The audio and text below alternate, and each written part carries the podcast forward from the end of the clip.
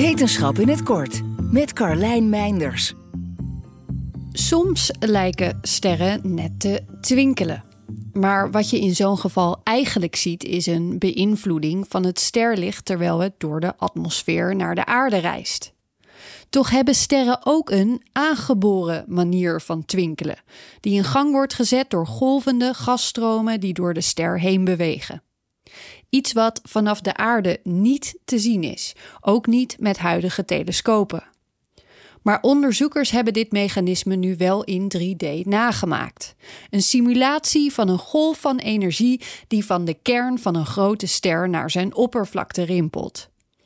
Dankzij dit computermodel kunnen ze nu ook een betere inschatting maken van hoeveel sterren op deze manier twinkelen en hoe hevig het effect van de golven moet zijn per ster.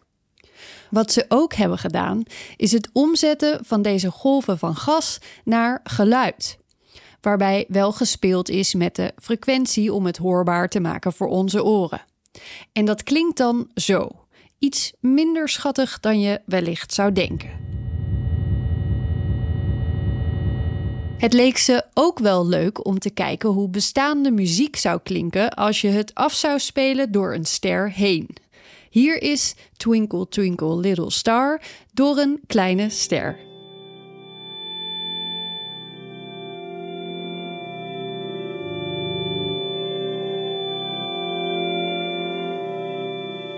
Door een mediumster.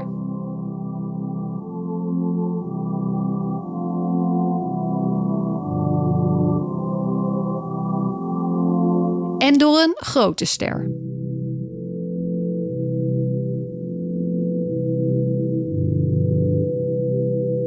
De onderzoekers verwachten dat toekomstige telescopen deze manier van twinkelen wel moeten kunnen zien.